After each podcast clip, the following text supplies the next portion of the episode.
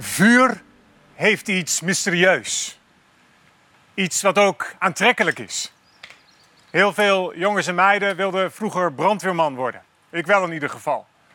En als je wat ouder wordt en tiener bent, ja, dan wil je toch ergens een keer fikkie stoken. Op een camping, op welke plek dan ook, hoewel het soms gevaarlijk is. En dat is direct de andere kant van vuur.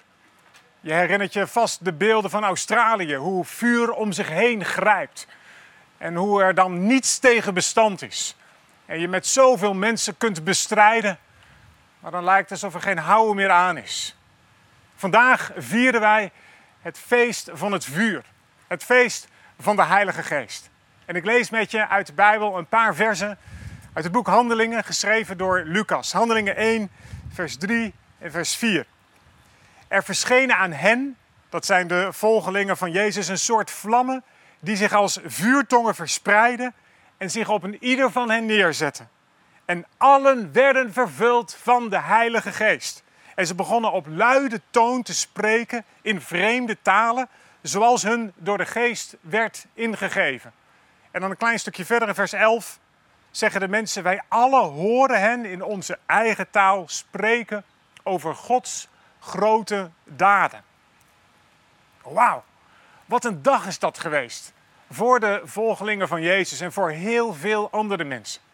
Na de hemelvaart, waar Jezus vanaf de Olijfberg naar de hemel is gegaan en hen zegenend heeft achtergelaten, zijn de discipelen, de volgelingen van Jezus, naar Jeruzalem gegaan. En daar hebben ze afgewacht op wat zou komen. Maar niet zomaar relaxed afgewacht. Ze hebben er vurig en eensgezind gebeden, staat er in de Bijbel. Verwachten dat God iets ging doen. Vurig bidden. En dan komt dat moment. Dat die, die vlammetjes boven hun hoofden. Nou, we lezen dat zo. Als vlammen boven hun hoofd. En iets als een windvlaag. Ja, veel mensen zeggen dan, het begon er heel hard te waaien. En in de kinderbijbel tekenen we vlammetjes boven de hoofden. Maar dat staat er eerlijk gezegd niet. Als, zoals.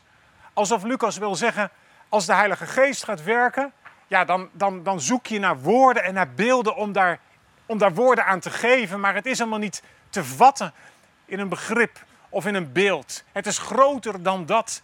De Heilige Geest die doet wat hij wil, wanneer hij wil. En hier leek het op een, een windvlaag en op vlammetjes. Ja, anderzijds, in de Bijbel wordt het werk van de Heilige Geest wel degelijk vaak vergeleken met vuur. En uiteindelijk is natuurlijk de vrucht in de levens van mensen die vervuld raken met de geest. Dat is waaraan je kan zien dat God iets heeft gedaan. Wat is er eigenlijk kenmerkend voor vuur? Nou, allereerst, vuur, dat, dat is natuurlijk altijd iets wat met licht te maken heeft. Er bestaat geen vuur wat geen licht geeft. Vroeger, eh, in de tijd dat we nog niet allemaal smartphones hadden en zo, las ik vooral heel veel cowboyboeken en indianen. En een van de foute dingen die je kon doen was een sigaret opsteken in de nacht. Want dat, dat kleine puntje aan een sigaret, dat kon, dat kon op eindeloze afstand gezien worden. En anders wel die, die, die, nou, de aansteker daarvan, hè, of de lucifers. En dan, dan had je, je je schuilplaats verraden. Vuur heeft altijd met licht te maken. En dat is heel mooi. Het brengt je namelijk op, op plekken waar je anders niet zou kunnen komen. Toen ik ooit stage liep en in Papua was en het donker was geworden over een glibberig pad in de, in de rimboe moesten.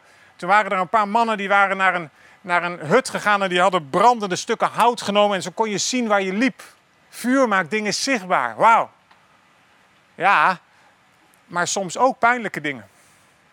Als je nooit onder je bed kijkt, is er niks aan de hand. En het is een beetje donker daar, maar als je er met een schijnwerper op gaat, dan blijkt opeens hoe vies het is onder het bed van bij, bijna alle Nederlanders. Dus vuur maakt ook iets zichtbaar van viezigheid en vuiligheid. Ja, en dat is ook wel de Heilige Geest. Hè? De Heilige Geest die ons laat zien wat er niet klopt in onze levens. Het brengt dus licht. En dan kom ik direct op het tweede. Vuur is ook verterend. Dat is, dat is een heftig woord, maar het heeft te maken met dat alles wat verkeerd is, wat zondig is, wat niet klopt in onze levens, door de Heilige Geest wordt, wordt weggebrand. Zodat je mag gaan leven voor God. Zondig, zei ik, maar dat gaat ook over andere dingen. Wat denk je van de discipelen, die volgelingen van Jezus, die angstig waren geweest vaak? Nou, dat soort dingen worden door dat vuur van de geest verteerd, weggebrand. En dan kom je bij de derde functie van vuur. Daarmee wordt het reinigend. Vuur reinigt, zodat dat wat er overblijft nog mooier, nog schoner, nog puurder is. Dan moet je het niet over het vernietigende deel hebben van vuur, maar over het louterende deel. Als goud puur goud moet worden, wordt het in het vuur gehouden, zodat alle andere metalen verbranden en het vuur zorgt dat goud, puur goud, overblijft. Dat. Dus vuur geeft licht, vuur verteert wat er niet goed is, vuur reinigt zodat iets puurs overblijft. En het vierde is dat vuur ook warmte geeft. Talloze mensen kunnen daarvan getuigen. Dat die momenten er zijn geweest dat de Heilige Geest zich meester van hen maakte en dat hun hart verwarmd is. En dat ze ervaren hebben, er is een God die zorgt. Er is een God die van me houdt. Als je dat bedenkt en je voegt daar nog twee dingen aan toe. Namelijk één, vuur dat moet aangestoken worden. Dat gaat niet vanzelf. Daar is iets externs voor nodig. Vuur dat kun je niet pakken, niet vasthouden. Het moet je gegeven worden. Dan mag je met Pinksteren op de knieën en dan mag je met een van de volgelingen van Jezus verderop in de Bijbel, Paulus, zeggen: Heer, ik verlang er zo naar. Dat vuur, dat heb ik nodig. Dat moet ik ontvangen. Ik zou niet anders willen dan dat. Het moet je dus gegeven worden. En als het je gegeven wordt, en laat het even duidelijk zijn: God zegt: wie bidt ontvangt, wie zoekt die vindt, wie klopt hem wordt opengedaan. Het wordt je gegeven. Ook als je dat nog niet direct allemaal voelt. Ook als je dat spannend vindt, misschien en eng. Dan wil ik je wel eerlijk zeggen, kijk niet te veel naar mensen om je heen. Oh, die heeft dat, die heeft dat. Maar probeer te kijken juist naar de God, de gever ervan. Ja, en als je dat dan ontvangen hebt, dan kun en mag je het niet voor jezelf houden. Vuur stop je niet in je broekzak. Zo, dat heb ik. Dan verbrand je. Vuur moet je uitdelen. Zoals het Olympisch vuur doorgaat. Zoals het bevrijdingsvuur doorgaat. Het is iets om alle mensen te laten zien omdat jij veranderd bent door de kracht van God en je dat mag uitdelen.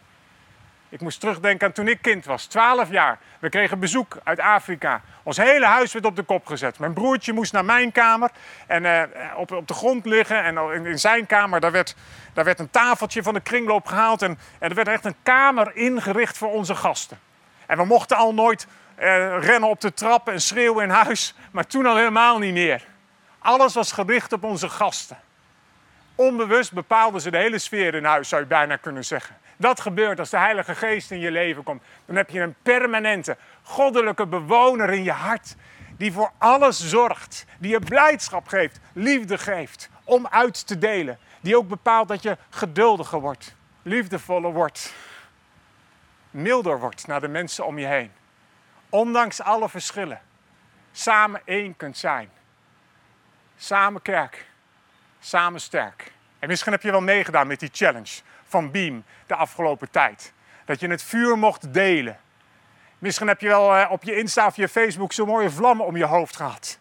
Nou, dat vuur wat jij mag uitdelen, dat wil ik je ook graag laten zien. Met de uitdaging of jij ook daadwerkelijk het vuur van de geest van God durft en mag uitdelen. Dat je het mag laten zien aan de mensen om je heen. En ik wil aan je vragen, doe dat dan door te zeggen wat voor grote dingen God in jouw leven heeft gedaan en wil doen in levens van anderen. Dat brengt eenheid. Niet discussiëren over dit of dat. Deze grote dingen heeft God gedaan in mijn leven. En dat is wat ik je wil laten zien en uitdelen. Amen.